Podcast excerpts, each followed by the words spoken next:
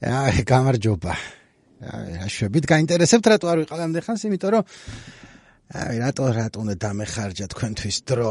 პარამ პამ პამ პამ პამ, პარამ პამ პამ, პარამ პამ პამ პამ პამ, პარამ პამ პამ, პარამ ჰა ჰა, პარამ ჰა ჰა, პარამ პამ პამ პამ პამ პამ პამ.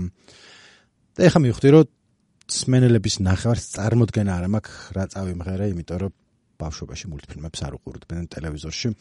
ჯერ კიდევ მაშინ ვიდრე ანიმაციური ფილმები ერქმეოდათ და მულტფილმი არა, მულტიპლიკაციური ფილმი, მულტიკი, მულტიპულტი, არიცით?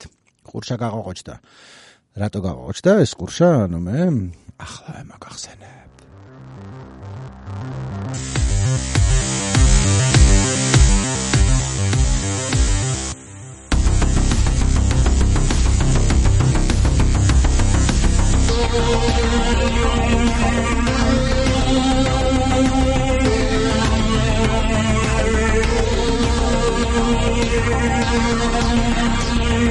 მაგახსენებ.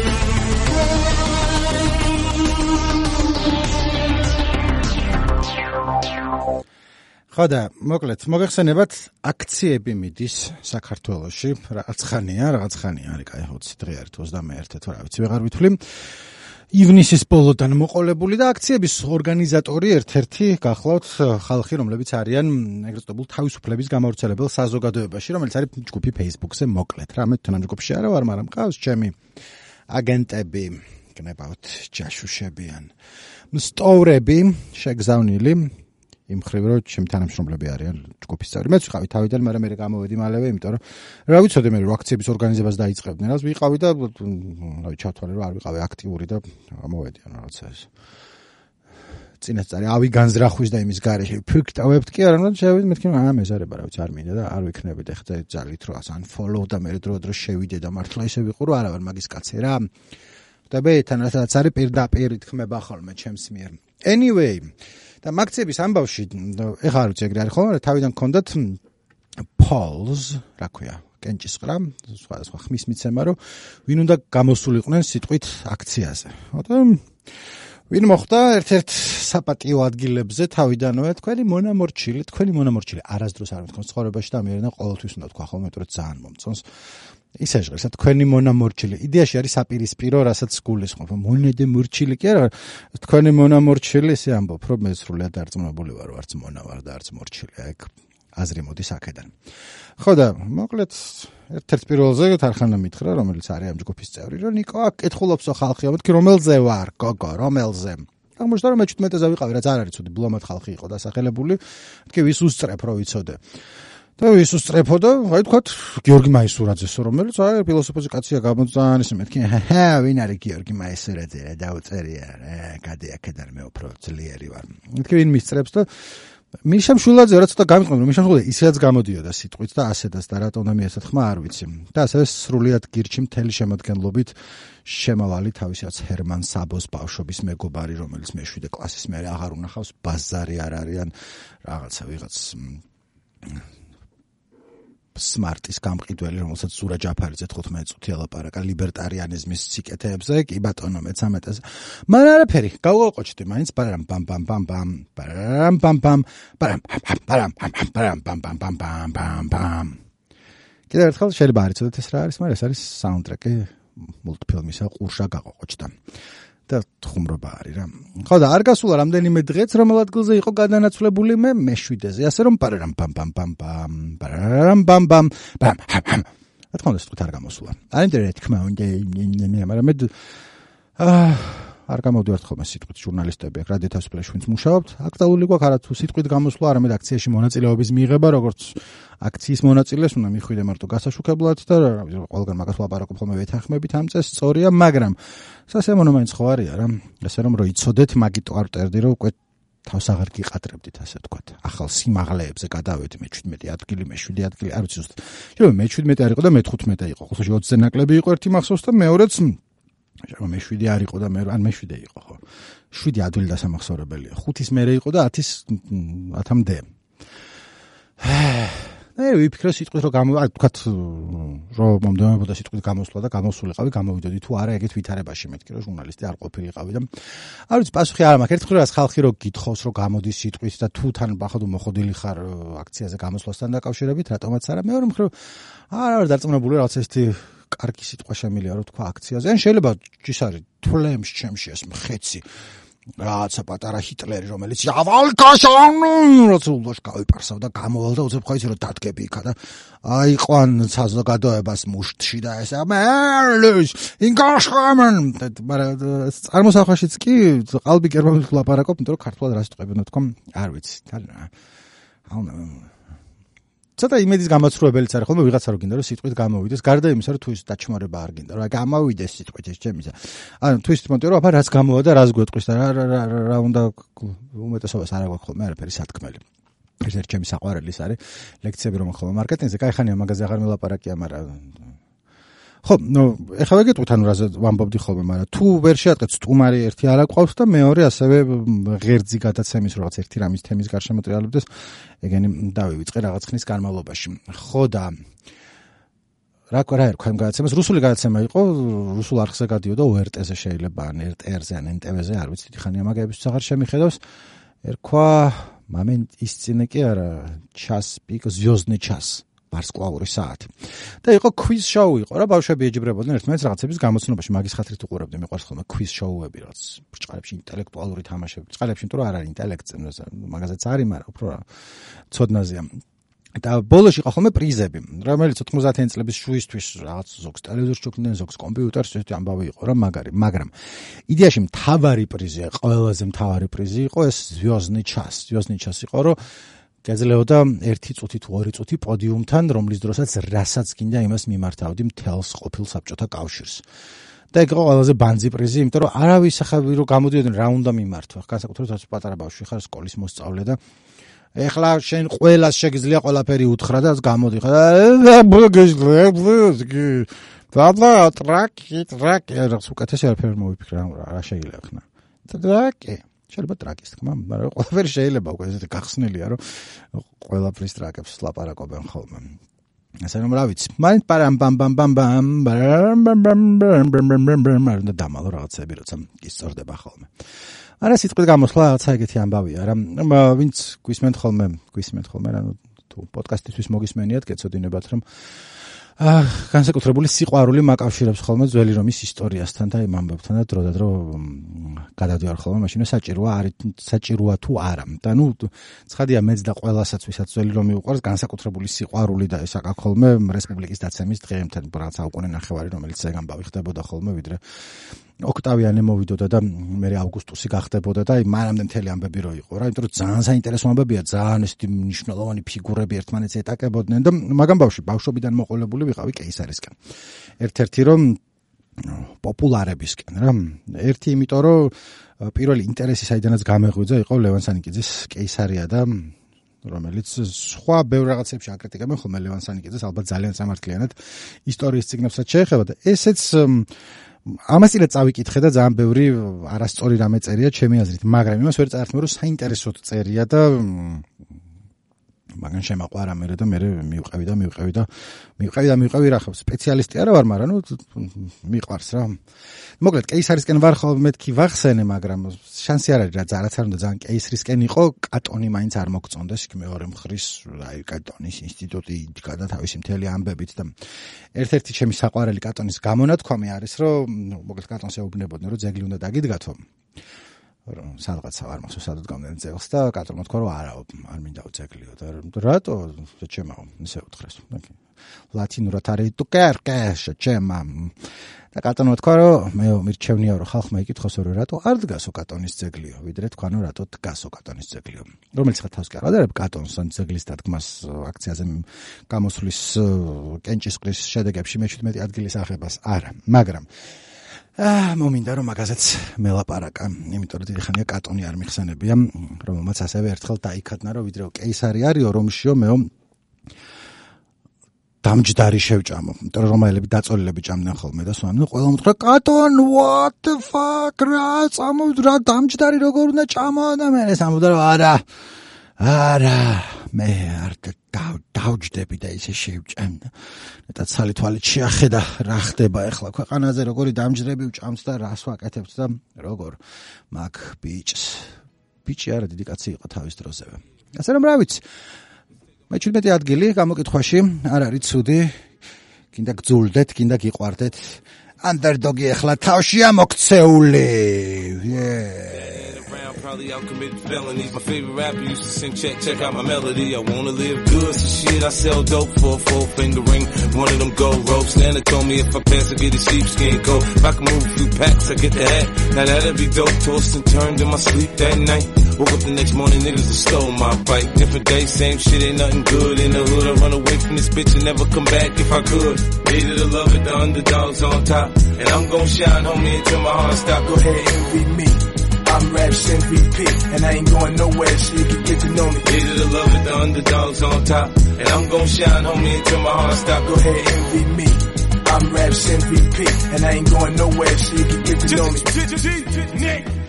ელცნაურია დღეს ითვლება რაც უფრო კლასიკური ჰიპ-ჰოპის ტრეკია ეს რასაც ახლა უსმენთ the game featuring 50 cent hate it or love it აი მაინც ასაკის ბრალია მე მაინც მეახლება იმის და მიუხედავად რომ კაი ხნის წინ იყო დაწერილი. არა და თავის დროზე გეიმი და 50 cent-ი რომ მეგობრობდნენ და G-Unit-ში რო იყვნენ ერთად და მე რომ დაიშალნენ სულ მქონდა დაბეჭდილება მაინც დეტალები არ ვიცოდი და მეგონა რომ 50-ის brali იყო ყველაფერი იმიტომ რომ 50 cent-ი არის სერიოზული ბოღმა ადამიანი ყველა მიცის ეგა და თუ რაღაცა ოდნავ მაინც ეწყინა არასდროს მე მაგას არ დაივიწყებს და ძალიან უსიამოვნოდ იცის ხოლმე სამაგიეროს გადახდა ამ ყველაფრის გამო და ამას ენა ჩაუჯექი რაღაც hip-hop beefs თუ არ მახსოვს რა ქვია მაგრამ YouTube-ზე არის სერია დოკუმენტური ვიღაც ტიპი წერს რა ნუ ის არ არის ხა BBC-ს გაკეთებული, მაგრამ ამბებს ყვება ხოლმე ბიფის და დაპირისპირების და ძალიან საინტერესო ორნაწილიანი ამაზე იყო თელი 2 საათი უყურებდი.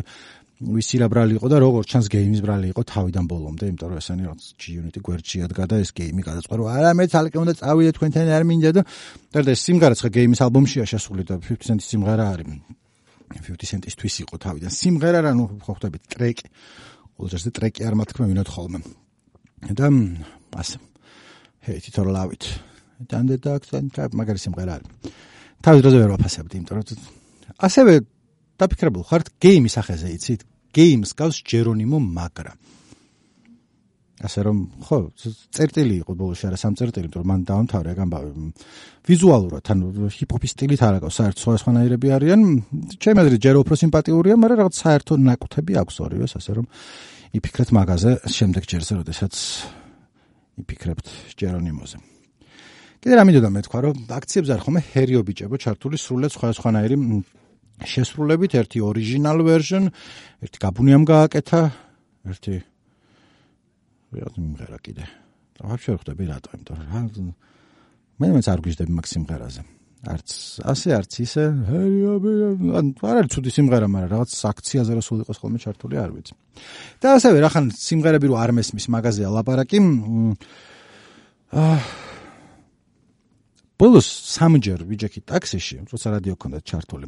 და სამივეჯერ იყო ის სიმღერა და turn off the lights turn off the lights turn off the lights turn off the lights ნელი ფურტადოს სიმღერა თან ვიხსენებთ გზაგზა იმიტომ ვიმღერე სამჯერ ხო და არ მესმის კი კაი სიმღერა იყო თავის დროზე მაგრამ ისეთი რაღაც განსაკუთრებული არაფერი მთელი ცხოვრება გაყვეს და turn off the lights უსმინო და რატო არის ხოლმე სულ რადიოში თქო ამისი შეკითხვა მინდოდა მაგრამ კაი რომ ეს სიმღერა არის და არა მეორე რითაც ცნობილი გახდა რა ერქვა იმ სიმღერას free like a bird i always fly away i don't know if i'm angry i don't know if i'm hungry la la მაქსიმალის ატანა მქონდა არასდროს. turn of the light შედარებით მომწონდა თავის დროზე, მაგრამ თუ არ ვწდები არის Timbaland-ის გაკეთებული, ხარ მინახავს. მომზადებული არ მოსულარდა რამე რაღაც. ნუ ვინ შექმნა სიმღერა turn of the lights, მაგრამ გავს Timbaland-ის გაკეთებულს და თუ არ არის გავს მაინც, იმიტომ რომ სხვა სიმღერები აქ Timbaland-ის გაკეთებული ნელისთვის. რომელიც იქიდან ვიცი რომ Timbaland რაღაცებს ამბობს ხოლმე შუაში.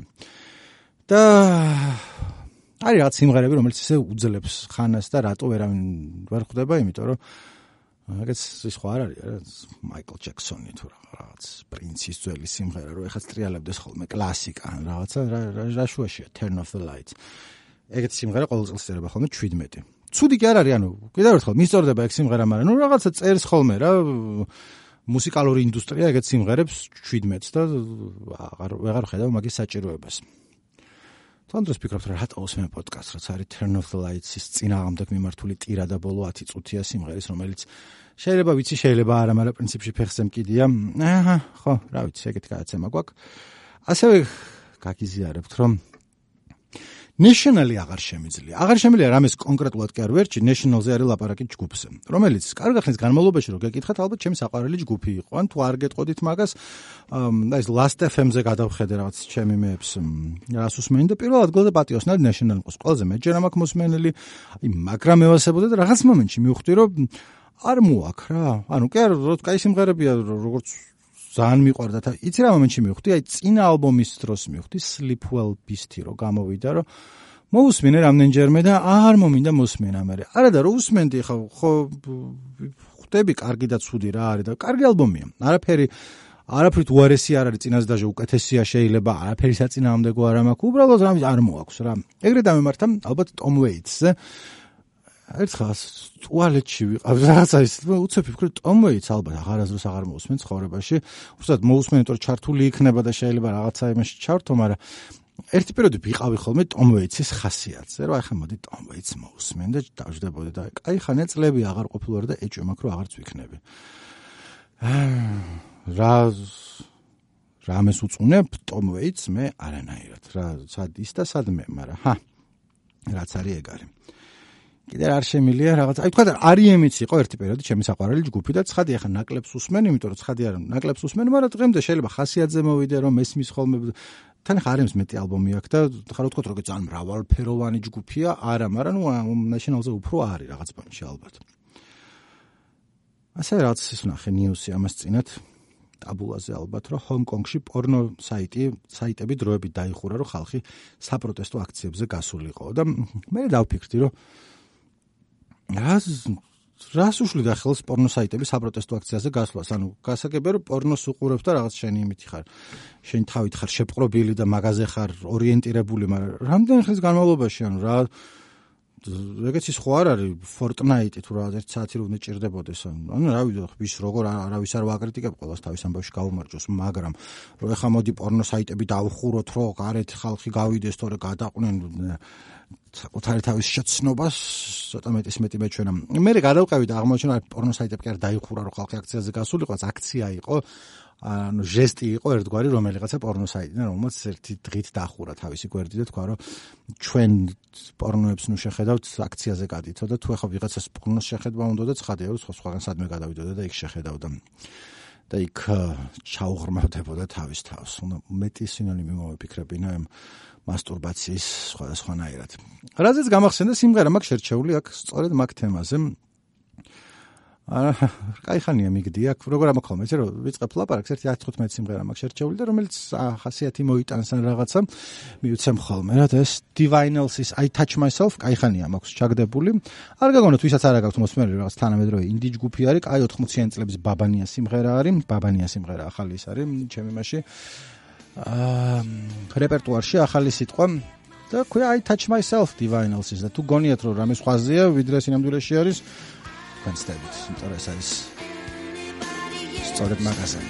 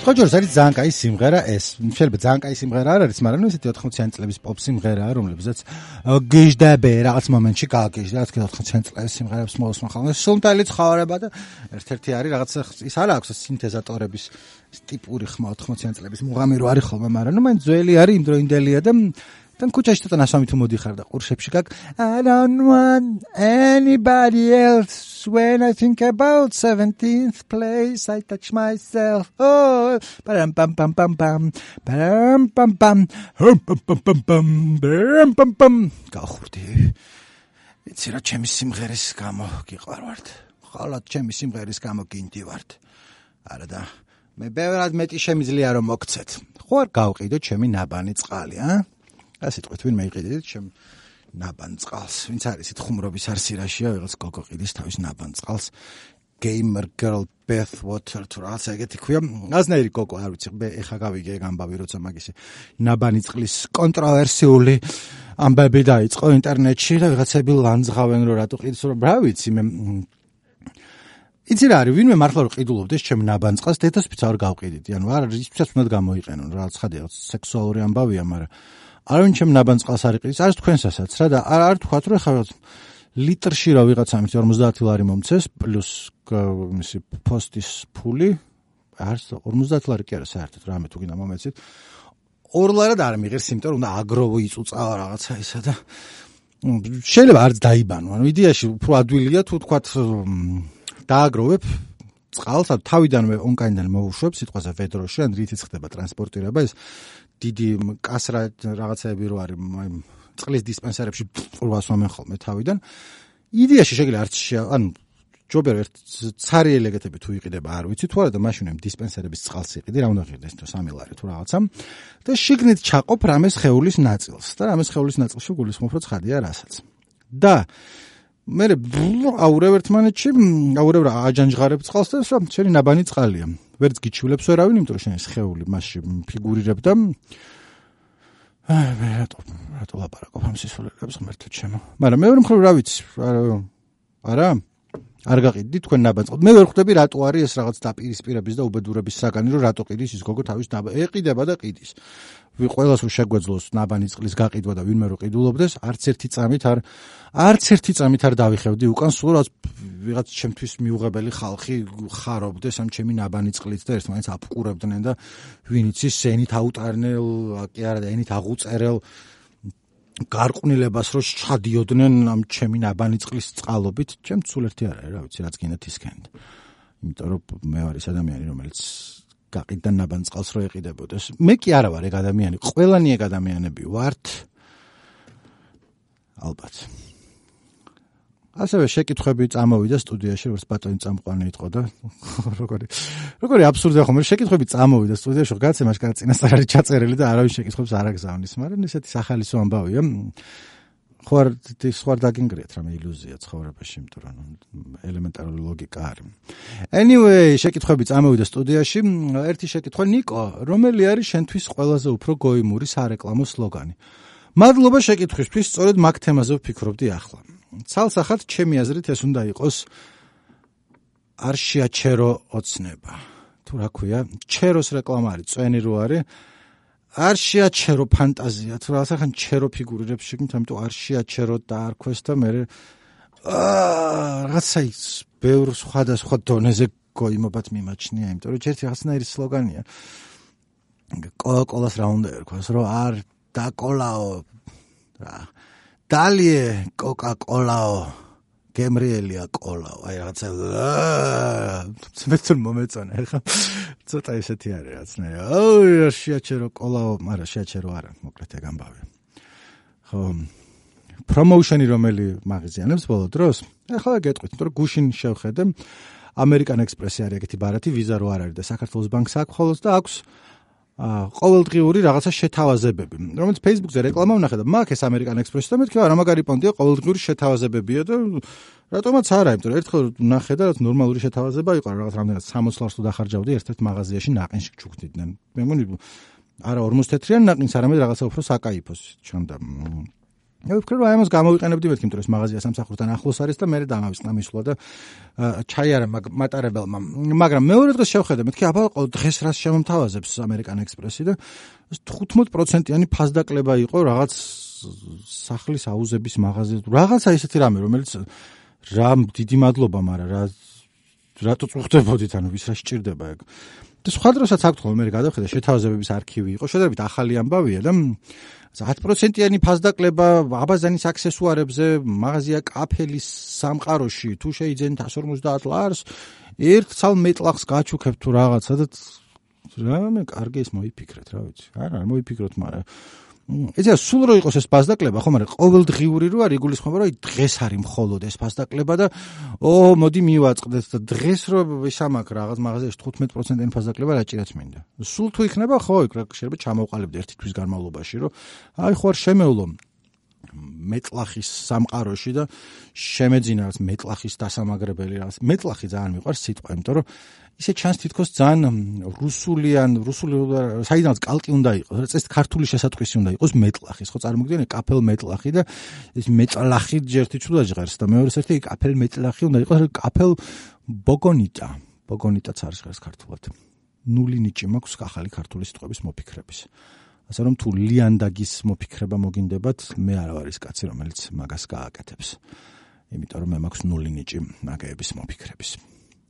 ეგ გამოვიდა ნახევარი საათი ამას უში მაგდებენ სტუდიიდან, იმიტომ რომ გვიან შემოვედი დღეს ცოტა და კაი ვიცი ხო რომ დიდი ხანი არ ყოფილვარ და ეხლა მხოლოდ ნახევარი საათი მე დაგვატკბო შენი საუბრით ნიკო მოგვენატრები არ წახვიდე დავждეთ რა მოვალ კიდე მოვალ კიდე ამ კვერაში. იმიტომ რომ სიმღერები დავრჩა ბლომად რაზეც უნდა ვილაპარაკო ერთი ძალის არ მყოფნის. Or love-it დროებით გნახავთ სადმე რამე თუ რამეა მეგობრები ვიყოთ და არ დავიშალოთ და აუცილებლად ჩვენებს ხედავთ ხოლმე რა რა ხდება როგორ არიან ჩვენები? ო რა ვიცი ეს დაყავებული ეს აქციებზე გვიანობამდე გვიწევს მუშა. ხო ხო ძმა ხო. სპეციალურად მაგით ლაპარაკობთ ამ სისურელებს ბოლო მუსიკის ფონზე რომ არა კარგი რაღაცები კერო თქოს ბანძი ხუმრობები რომელსაც მე ნევა შემიქსერებ და ესე ისე მითომ სხვა და და და და და